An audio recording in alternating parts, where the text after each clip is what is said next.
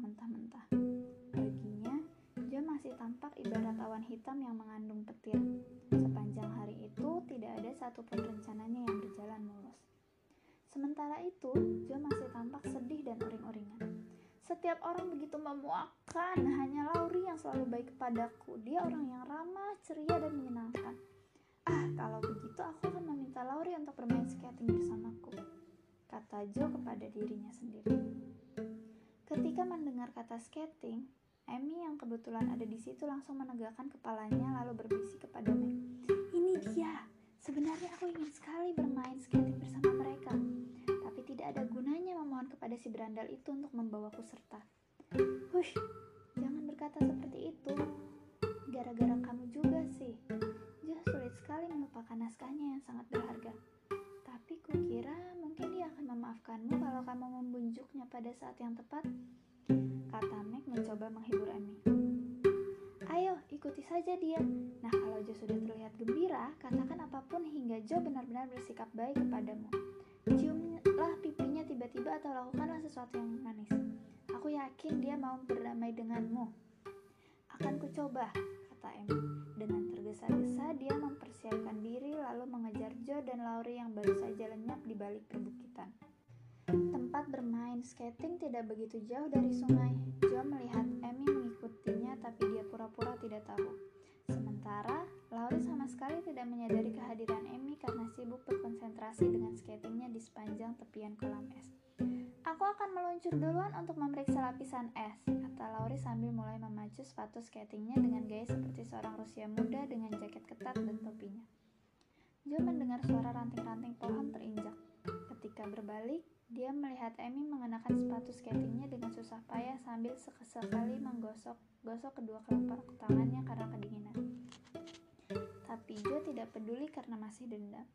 Lalu perlahan-lahan, Joe mulai meliuk-liuk menuruni sungai menikmati kepuasan karena adiknya mengalami kesulitan. Pada saat Laurie berbelok, dia berteriak ke belakang. Joe, tetaplah di tepi kolam, di tengah tidak aman. Saat itu Joe melihat Amy sedang berjuang mengendalikan kakinya yang meluncur tidak karuan. Tapi iblis kecil dalam hati Joe berbisik jahat. Jangan pedulikan Emmy. Apakah Emmy mendengar peringatan Lauri atau tidak? Biarkan dia mengurus dirinya sendiri. Jo baru saja akan berbalik ketika Emmy meluncur kencang tak terkendali ter ke tengah kolam. Sejenak, Jo mematung dengan perasaan aneh di hatinya. Ketika dia memutuskan untuk meneruskan meluncur ke tepi kolam, suara yang menyayat hati membuatnya berhenti. Persis pada saat Joe berbalik lagi, dia melihat Amy terjatuh di atas lapisan es yang mulai retak. Lapisan es itu hancur. Amy pun tenggelam ke dalam air yang dingin menusuk. Dengan putus asa, Amy menggapai-gapaikan tangannya ke udara sambil berteriak minta tolong. Jantung Joe seolah berhenti berdetak. Dia berusaha memanggil Laurie, tapi suaranya lenyap entah ke mana. Dia berusaha menggerakkan kakinya ke arah Emmy, tapi kakinya seperti tidak memiliki kekuatan lagi untuk. Selama beberapa saat, dia hanya berdiri mematung memandang ke arah wajah yang begitu ketakutan. Namun sesuatu dengan cepat menyentakannya. Cari batang pohon, cepat! Teriak Laurie nyaring. Beberapa menit berikutnya, Joe pontang-panting ke sana kemari dengan paniknya. Sementara itu, Laurie segera menelungkup di pinggir retakan es dan menarik tangan Emmy dengan satu tangannya sampai Joe datang membawa batang kayu. Kita harus membawanya pulang secepat mungkin, teriak Laurie sambil memakaikan jaketnya ke tubuh Emmy dengan gemetaran. Joe dan Laurie pun memapah Emmy pulang. Setelah mengalami ketegangan ini, Emmy meringkuk di dalam selimut tebal dekat perapian. Joe memandanginya dengan wajah cemas.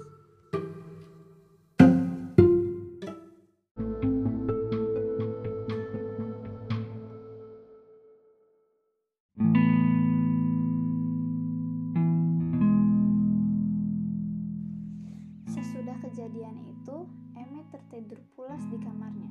Nyonya March yang baru mengetahui kejadian itu memanggil Joe dan mulai membalut tangan Joe yang terluka karena terkena pecahan es. Apakah mama yakin dia baik-baik saja? Bisik Joe tampak sangat mengkhawatirkan gadis kecil berambut pirang itu. Dia baik-baik saja sayang, dia tidak terluka dan bahkan tidak akan terserang flu. Mama pikir kamu begitu cekatan menolongnya. Jawab Nyonya March ceria. Laurier lah yang melakukan semuanya. Ma, seandainya Emmy meninggal, lo yang paling merasa bersalah. Lalu Joe mengempaskan tubuhnya ke sisi mama karena tidak tahan menahan air mata. Setelah menceritakan semua yang telah terjadi, dengan pahit Joe mengutuk kekerasan hatinya. Sambil terisak-isak dia mengatakan bersedia menerima hukuman seberat apa pun akibat kesalahannya itu. Berusaha memperbaikinya. Aku pikir aku telah berhasil, tapi ternyata malah lebih buruk. Oh, mama, apa yang harus aku lakukan? Jawab Joe sambil menangis. Berdoalah sayangku, jangan putus asa dan jangan pernah menganggap kamu tidak mungkin mampu menaklukkan kekeliruanmu. Kata Nyonya Mars sambil mengecup pipi Joe. Mama tidak tahu. Tampaknya aku bisa melakukan apa pun ketika amarah menguasaiku. Bisa menyakiti seseorang dan menikmatinya. Aku khawatir aku akan melakukan sesuatu yang mengerikan suatu saat nanti dan menghancurkan hidupku. Aku takut semua orang akan membenciku. Jawab Raung, jawab Joe Raung semakin kencang. Mama membujuk Joe agar tak bersedih. Jangan menangis begitu. Ingatlah terus hari ini dan bertekadlah tidak akan mengulanginya lagi. Joe sayang, kita semua pernah melakukan kesalahan yang lebih gawat lagi. Kamu kira temperamenmu lah yang paling buruk di dunia. Tapi temperamen mama juga sama saja. Mama, mama mengapa? Mama kan tidak pernah marah. Untuk sejenak, Joe lupa dengan kepedihannya. Mama telah mencoba memperbaiki temperamen mama selama 40 tahun. Tapi mama hanya berhasil mengendalikannya. Hampir setiap hari mama belajar untuk tidak menunjukkannya dan masih belajar untuk tidak merasakannya jelas mama. Mengetahui mamanya memiliki kelemahan sebagaimana dirinya sendiri dan selalu mencoba memperbaikinya, membuat Joe lebih mudah menanggung dan memperkuat tekadnya untuk memperbaiki sifatnya. Ma, apakah mama pernah menggigit bibir dan keluar ruangan ketika marah? Tanya Joe yang kini merasa lebih dekat dan lebih sayang kepada mamanya. Ya, mama sedang belajar mengendalikan kata-kata. Mama hanya keluar selama beberapa saat, lalu memberikan jairan kecil kepada diri sendiri. Jawabnya Nyamar sambil mengelus-ngelus dan mengeratkan ikat rambutnya. Ini masalahnya. Kata-kata tajam selalu meluncur sebelum aku sadar dengan apa yang sedang aku katakan sampai aku merasa sangat senang bisa menyakiti perasaan orang dengan kata-kata yang mengerikan. Katakan, bagaimana mama bisa mengendalikannya?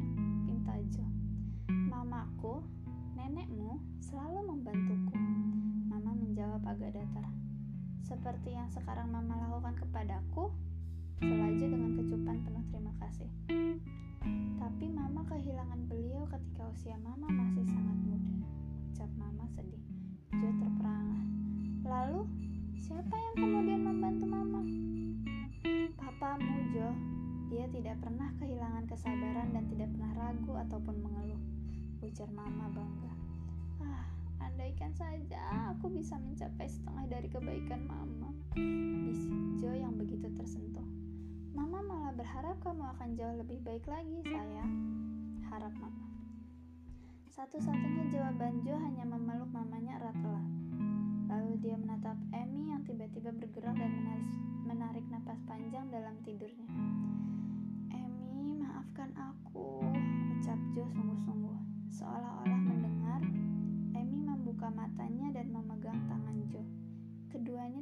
mengucapkan sepatah kata pun, tapi mereka saling berpelukan dengan erat.